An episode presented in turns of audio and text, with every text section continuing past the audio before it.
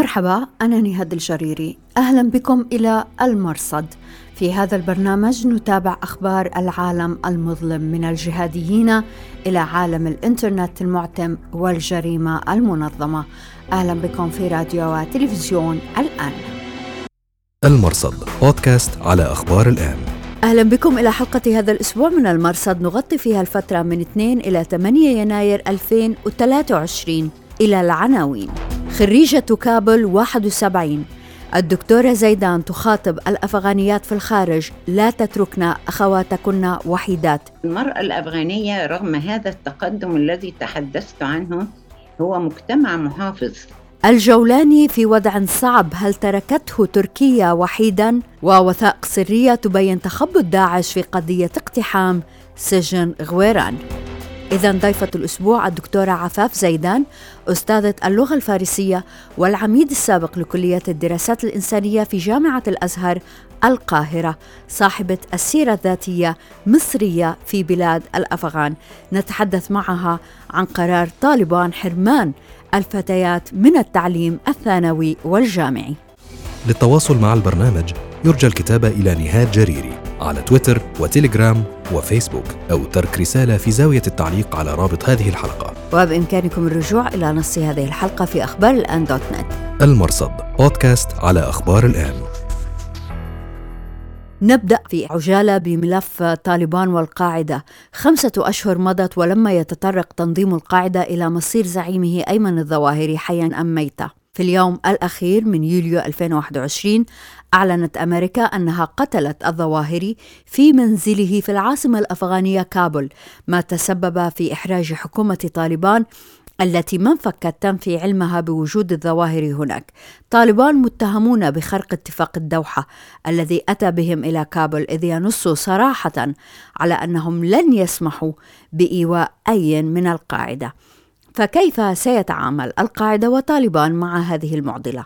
الصحفي الأفغاني سامي يوسف زاي مراسل CBS و Daily Beast نقل عن مصادر داخل القاعدة أن التنظيم سوف يعلن قريبا عن وفاة الظواهري بالمرض وأن طالبان توسلوا إلى القاعدة كي لا يعلنوا أنه قتل في كابول مثل هذا السيناريو معقول جدا ومريح بالنسبة لطالبان الذين لهم تجربة مع إخفاء موت الملا عمر عامين كاملين لكن الضرر حصل وانتهى القاعدة وطالبان وأمريكا يعلمون الحقيقة فمن يريد التكذيب عليه الإثبات هل ستنشر القاعدة صورة لجنازة الظواهر مثلا؟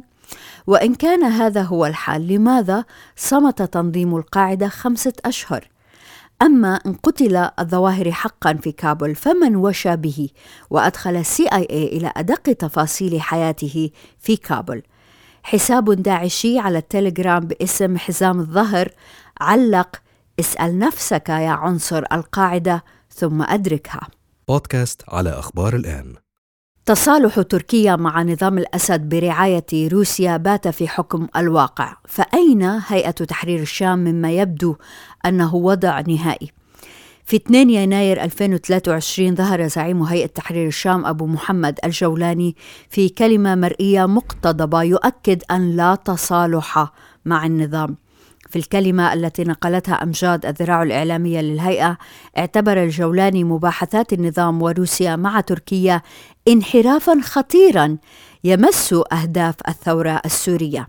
من الذي يرضى لنفسه أن يصطف مع هؤلاء القتلة؟ وعليه فإن المعركة ليست سياسية يقول الجولاني.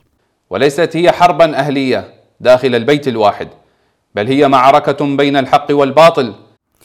وبالتالي أعلن الجولاني أنه أعددنا عدتنا وهيأنا أنفسنا لأيام عظيمة قادمة. وهذه دعوة منا لكل مخلص غيور أن يبذل الجهد ويسعى بصدق ويضع يده بأيدينا الجولاني لم يتطرق إلى شكل العلاقة التي ستكون مع تركيا فما هو موقف الهيئة من تركيا في حال اختمرت المصالحة فعلا؟ هل ستقاتل الهيئة التركية التي تسير دورياتها مع الروس على أطراف إدلب؟ وكيف ستؤمن هيئة تحرير الشام احتياجاتها عبر المعابر التي هي عماد اقتصادها؟ وهل ستعتبر الهيئة الجيش الوطني في درع الفرات وغصن الزيتون امتدادا لتركيا لتبدأ حرب طاحنة تحت هذا المسمى؟ المسألة معقدة بعد هذا الخطاب كثف الجولاني لقاءاته مع فعاليات شعبية مختلفة في إدلب ومحيطها. في لقاء مع نشطاء نقل عنه أنه يرى أن تنفيذ هذا المسار السياسي أي المصالحة سيكون سببا لتدفق ملايين الناس باتجاه تركيا وأوروبا. فهل يهدد الجولاني تركيا بمزيد من اللاجئين كما تركيا هددت أوروبا ذات التهديد في وقت سابق؟ أعاد الجولاني تأكيد أهمية جمع الكلمة.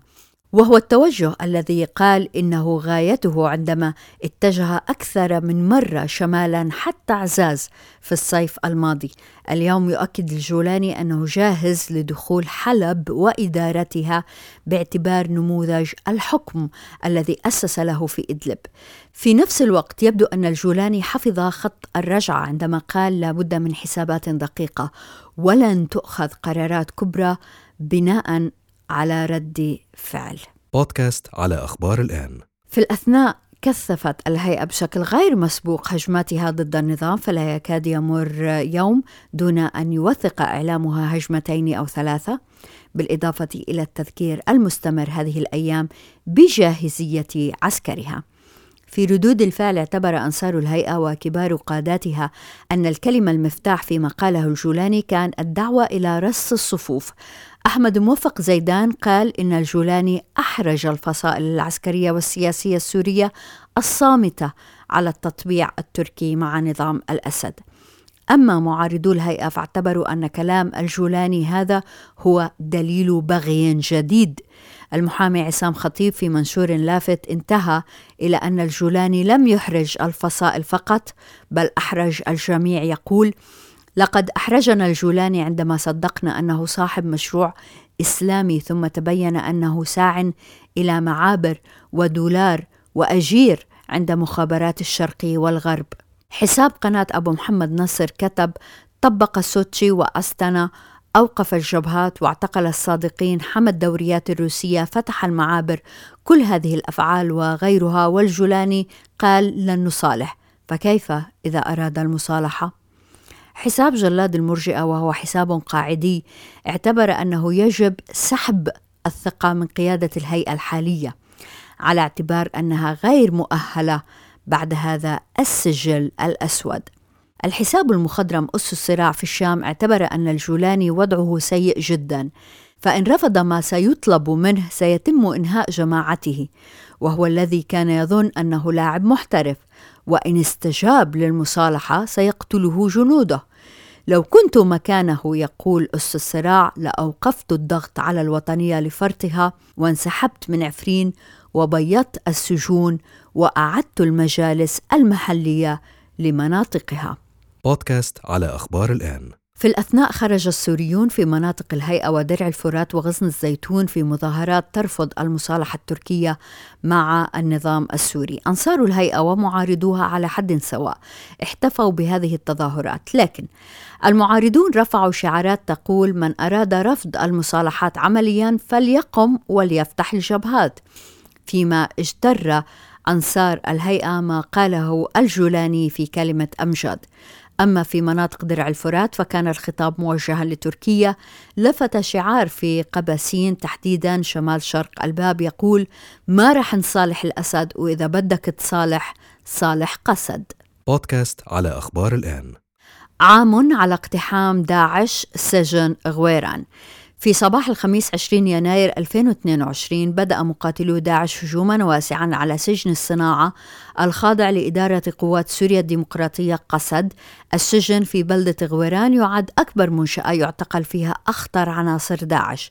الهجوم كان منسقا من خارج السجن وداخله وفاجأ قسد. تمكن عدد غير محدد من الفرار والاستحكام في أحياء البلدة ما أدى إلى نزوح الأهالي عنها. كل شيء كان يسير في مصلحة داعش حتى إن أنصار التنظيم اعتبروا الحدث مفصلا في تاريخهم سيعيد لهم مجدهم الغابر، لكن مساء الأربعاء 26 يناير أنهت قسد التمرد مدعومة بطيران التحالف وأعلنت السيطرة على السجن. التحالف فتح تحقيقا في الإخفاق الأمني الذي حدث وأدى إلى هذا الاقتحام. وهنا تحول خطاب داعش من تضخيم الأنا إلى التسطيح إعلام داعش الرسمي في العدد 323 من صحيفة النبأ الأسبوعية التي تأخر صدورها على غير العادة إلى فجر الجمعة 28 يناير 2022 حاول التخفيف من وطأة الحدث وقال إن الهدف كان اقتحام السجن من دون فتح جبهات قتال ضد الأكراد في المنطقة. ولكن بعد الانهيار السريع لدفاعات الأكراد والسيطرة على مخازن السلاح قرر داعش توسيع رقعة الاشتباكات للاستنزاف وتشتيت العدو عن عمليات إخلاء المحررين. الآن لم يتضح عدد الفارين أو هوياتهم لكن الطريقة التي انتهى بها الهجوم وما تواتر من أنباء عن فارين في المنطقة يشي بأن المستفيد كان ثلة من المتنفذين تآمروا مع قيادة التنظيم المركزية واتخذوا من مئات السجناء الآخرين ثمنا لحريتهم. يعزز هذا مراسلات بين قيادة داعش في الشام وسجناء سجن غويران. حصلنا على 13 وثيقة من مصدر قريب من سجناء داعش. لا نستطيع أن نذكر أكثر من هذا بناء على طلب المصدر لكن السجناء ليسوا في المنطقة الكردية. عرضنا المراسلات على ثلاثة خبراء أكدوا لنا صدقيتها من حيث أن الشكل والمحتوى لا يتيح مجالا للشك أنها ليست من داعش. بحسب المراسلات التي لدينا يمكن أن نروي قصة التحضيرات كما يلي ونلفت إلى أن المقال في أخبار الآن فيه تفاصيل أوفى عن هذه الرسائل. في البداية لابد أن نلفت إلى أن الذي قاد اقتحام غويران من قيادة تنظيم داعش هم ولاية الشام وليسوا ولاية العراق، فالثقل كان في ولاية الشام تحديدا من حيث مخاطبة السجناء في غويران ومدهم بعشرة ألاف دولار لتأمين ما يلزم. أما ولاية العراق فلم تقدم أي شيء. بودكاست على أخبار الآن. عن قصة التحضيرات نقرأ أنه في تاريخ 25 مارس 2021 كتب أمني ولاية الشام عبد الله الجهني إلى الزبير الشامي نائب والي الشام يوجز فيها رأيا بخصوص ما يبدو أنه اقتراح ورد من سجن غويران بالاقتحام. بعد يومين وفي تاريخ 27 مارس 2021 يرفع نائب الوالي إلى الوالي تصورا لتنفيذ الاقتحام وذلك بعد التشاور مع معنيين. هذا التصور طموح جدا ويكاد يكون مثالي وهذا مهم بالنظر إلى أمرين. اولا في الرسالة اعتراف مبكر بعدم توفر العناصر البشرية اللازمة لبدء الهجوم كانتحاريين وانغماسيين. وثانيا فيها اعتراف مبكر بعدم وجود خطة لسحب الفارين إلى مكان آمن فكيف يكون إذا مشروع هدم الأسوار ناجعا؟ يقترح الكاتب أن يترك الأمر للفارين على أن توفر لهم ولاية الشام براميل بلاستيكية تدفن بالقرب من المكان وفيها أسلحة وجوالات وخرائط وأجهزة اتصال وحتى بدلات عسكرية مثل التي يرتديها الأكراد يتفق على كلمة سر بين الفارين تميزهم عن الأكراد ويخصص كل برميل لسبعة فقط من الفارين على أن يزودوا بإحداثيات البرميل في وقت مسبق. خطة مثالية تكاد تكون غير واقعية حقيقة بالنظر إلى العدد المتوقع من الفارين ولا ينتهي هذا التصور هنا بل يقترح أن يسيطر الفارون على مدينة ويستحكمون بها. لكن في 1 أبريل 2021 وردت رسالة تشي بوجود خلافات بين السجناء حول قيادة هذا المشروع وهو ما سيتطور إلى خلاف على حيثيات المشروع. فيبدو أن ولاية الشام أزاحت الأمير الحالي للسجن وعينت مكانه رجلا اسمه صفوق أبو علي الأنصاري. لا يبدو أن صفوق حظي بإجماع المعنيين في السجن. تبرر ولاية الشام تعيين صفوق بأنه جاء بناء على تزكية من مشايخ ولأنه يتمتع بالحكمة والعقلانية اللازمتين لإنجاز المشروع. لكن الرسالة تشير إلى أن المتنفذين في السجن لم يسمحوا لقيادة الولاية بالتحدث مع صفوق حتى يتبينوا موقفه. وهذا دليل عدم ثقة بل وتخبط. يظهر التخبط لاحقا عندما يزاح صفوق ويعين المدعو أبو رحمة العراقي اميرا على السجن. في تفصيل آخر مهم انقسم السجناء إلى قسمين فيما يتعلق بالإضراب عن الطعام مقدمة للتمرد. قسم أضرب وآخر أخذ بالرخصة لضعف بدني.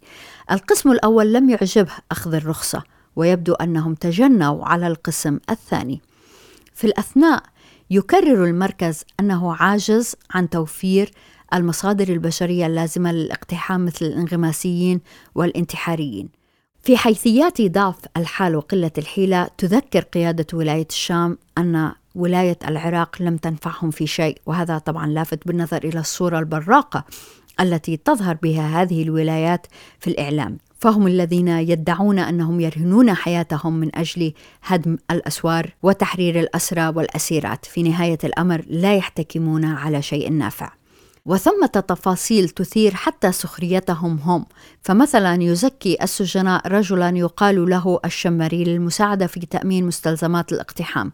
توافق الولاية عليه بعد الدراسة ثم تعود الولاية وتشكك في ولاء الرجل. السجناء يزكون آخر عنده انغماسيون لكن الولاية تشرح أن الانغماسيين المتوفرين هم بين تارك ومطرود من جندية داعش. وربما التفصيل الأهم هو أنه بحسب ما قيل لولاية الشام ثمة أربعة أشخاص في السجن فقط يعرفون بالخطة. حتى إن المركز يستغرب كيف قسموا المهاجع إذا ووزعوا المهام بين آلاف السجناء إذا كان أربعة فقط يعرفون بالخطة. وهذا يعزز ما نقل من أخبار لاحقا عن أن الفارين هم قلة قليلة من الأمراء المتنفذين على حساب السجناء الآخرين. بودكاست على أخبار الآن. أهلا بكم دائما في راديو وتلفزيون الآن. إذا استكمل طالبان إجراءات حرمان المرأة من التعليم إلا الأساسي وهم سائرون في اتجاه منع المرأة من العمل إلا بالحد الأدنى. ونكرر أنه في 2021 جاء طالبان إلى الحكم في كابل مستغلين. إنجاز الأفغانيات والأفغانيين طوال عقود كانوا فيها في جبال تورابورا أو في فنادق الدوحة. أساس هذا الإنجاز هو التعليم للذكور والإناث.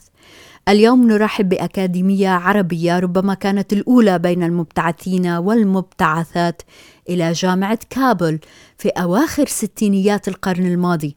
هي الدكتورة عفاف زيدان أستاذة اللغة الفارسية والعميد السابق لكلية الدراسات الإنسانية في جامعة الأزهر بالقاهرة.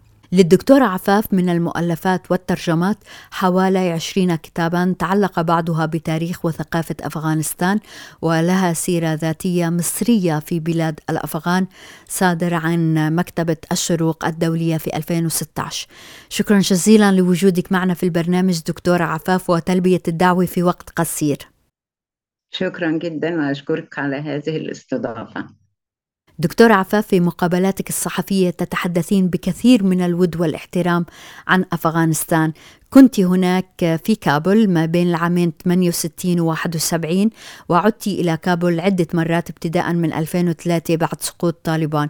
اليوم أفغانستان يا دكتورة بلد ينحدر إلى ما يشبه العصور الوسطى في كل شيء. ما الذي لا نعرفه عن إنجاز الشعب الأفغاني؟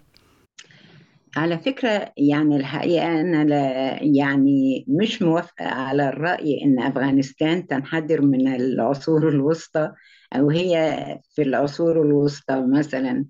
آه هذا التعبير لا ينطبق على أفغانستان. أفغانستان بلد متقدم جدا من النواحي الإنسانية التي من الممكن ألا نجدها في أي شعب أبدا. يعني إنسان الشعب الأفغاني مضياف جدا مرحب جدا يعرف كيف يتعامل مع أي إنسان يكون غريب عن بلاده. يعني من الممكن أن يذهب الإنسان إلى بلد ويكون غريبا عنها ولا يقابل إلا بمشقة وتعب. بالعكس الشعب الأفغاني لديه من الخلق ما يجعله يرحب بأي إنسان في بلاده ويعيش عيشة جميلة مرتاحة لا يشكو شيئا ولا يتعلق الإنسان مثلا بذكرياته القديمة ويبكي عليها بل بالعكس يحب أن أن يعيش الإنسان بينهم يوما بيوم نعم دكتورة الحقيقة ما كنت أقصده هو أنه بمجرد الهبوط في آه، مطار كابول يدرك المرء أنه هذا البلد آه، غني بالخيرات غير ما يصور في الإعلام عموما وإعلام الجهاديين خصوصا والآن طالبان هم يأخذون البلد إلى العصور الوسطى، أنا كنت في أفغانستان قبل سقوط كابول بأيام وأذهلني يعني ما رأيت. حضرتك سررتي من أفغانستان حينما رايتيه آه، جدا دكتوره يعني أنا أنا كنت أنا كنت في أفغانستان في 2017 يعني أنا ذهبت إلى أفغانستان عدة مرات بعد دراستي. آه، ذهبت إليها عام 2003 و2014 و2017 يعني آخر زيارة في 2017 أنا سررت جدا من أفغانستان وأحسست أنها باستمرار في تقدم إن شاء الله. لكن حضرتك لا تعجبي إن أفغانستان حضرتك يعني لا تعجبي إن أفغانستان أكثر بلد تعرضت إلى احتلال. الاحتلال عقب الاحتلال عقب الاحتلال ومشقة كثيرة تعرض لها هذا الشعب. ورغم هذا هو شعب صامد صابر يعمل في هدوء ويعمل في صمت ولا يحب دائما الشعب الأفغاني طبيعته لا يحب إنسان فيه أن يتحدث عن نفسه ابدا بل هم دائما آه، يحبون الآخرين ويحبون يتحدثوا عن الآخرين. وهذه ميزة لا توجد في في شعوب كثيرة. دكتورة اليوم إذا طالبان أتموا إجراءات منع البنات من التعليم الثانوي والجامعي أنت كامرأة وأكاديمية وعارفة بالمجتمع الأفغاني. صفي لنا عندما سمعتي هذا الخبر أول مرة. آه، هو طبعا أخبار محزنة جدا لأنني أعرف المرأة المص... آه، الأفغانية يعني 68 كانت فيه وزيرات سيدات في الوزارة وكانت فيه عضوات في مجلس الشعب وكانت هناك قاضيات وسيدات يعملن في السلك الدبلوماسي ووزارة الخارجية. كل هذا أنا رأيته بعيني وكانت المرأة متقدمة جدا في كل المجالات حتى في ميدان الصحافة وفي ميدان الكتابة وفي ميدان التأليف وفي ميدان الترجمة. المرأة الأفغانية حققت تقدما كبيرا في كل المجالات. وقد رأيت هذا أنا إن أحد آه، الأستاذات اللائي أشرفن على رسالاتي كانت أستاذة دكتورة هي الأستاذة الدكتورة فاطمة الطرزي وكانت أحد الأستاذات البارزات في كلية الآداب وغيرهن وغيرها كان كثيرات آه، في نفس الكلية. دكتورة في فترة إقامتك في كابول أقمت مع أسرة أفغانية كان لها سبع بنات وكانت إحداهن تدرس الشريعة كانت مقربة منك نقول هذا الكلام ونتذكر أن طالبان يتذرعون دائما بأنهم يمنعون التعليم آه، للبنات صونا للمرأة ماذا تقولين؟ هي المرأة الأفغانية رغم هذا التقدم الذي تحدثت عنه هو مجتمع محافظ ولكنه مجتمع عادي مثل أي مجتمع مسلم البنات تذهب إلى المدرسة وتذهب إلى الجامعة وتذهب في بعثات للدراسة. آه، كل هذا كان آه، كانت أفغانستان متقدمة فيه جدا.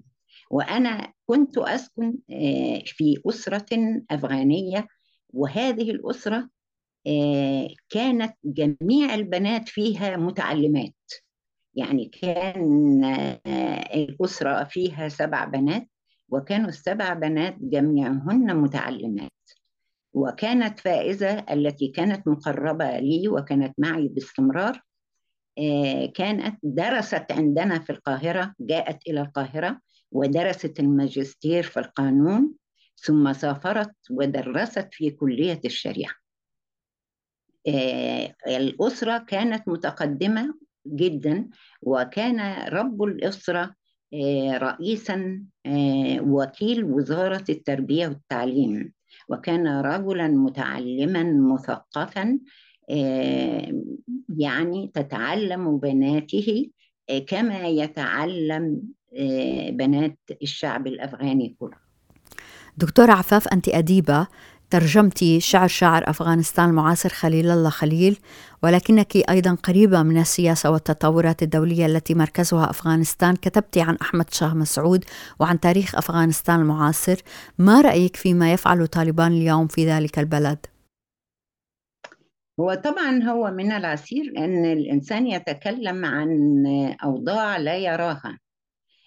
ولكن بالنسبة لي آه، يعني آه، عدم تعليم البنات هذه مشكلة كبيرة لأن وجود البنات في المنازل شيء صعب جدا سيما وأنهن متفوقات بارزات. والسيدة الأفغانية سيدة عاملة تعمل بجد في أسرتها ثم تخرج لوظيفتها في الخارج. ولا يؤثر هذا على مكانة الأسرة ابدا. يعني أنا لم أسمع أثناء وجودي هناك أن مثلا آه، الأسر متصدعة ومثلا آه، البنت تخرج إلى وظيفتها وأهلها مثلا متذمرون من ذلك لم يحدث ابدا أن سمعت ذلك. بل كان لي زميلات غير الأسرة التي كنت أعيش فيها. كان لي زميلات في الكلية آه، وذهبت معهن إلى منازلهن وسافرت معهن إلى بلدانهن آه، في أفغانستان. ورأيت بنفسي هذا وشاهدته. حتى البنات في القرى كن آه، يسعين إلى الذهاب إلى المدرسة والتعلم.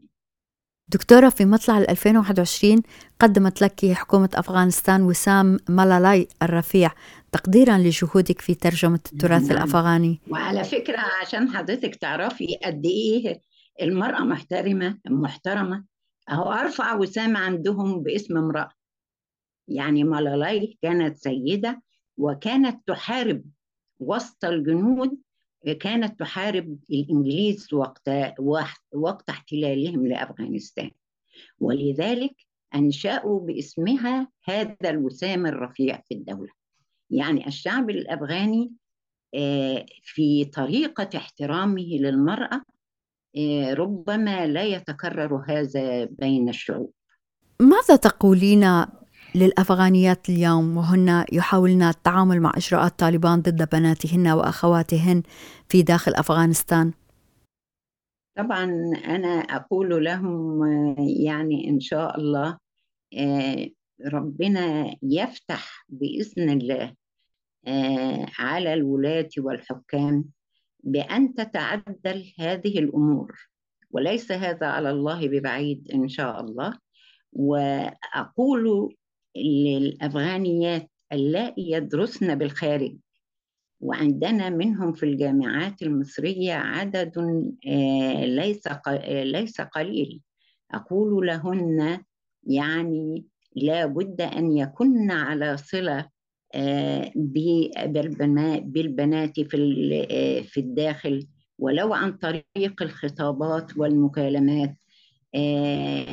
للعمل على عدم ترك العلم ولو بالكتب في داخل في داخل المنازل حتى إن شاء الله آه، يؤيد الحكام بنظرة صائبة إن شاء الله. الدكتورة عفاف الزيدان شكرا جزيلا لك. شكرا شكرا. وشكرا جزيلا لوجودكم معنا في راديو وتلفزيون الآن. أنا نهاد الجريري مع السلامة. بودكاست على أخبار الآن.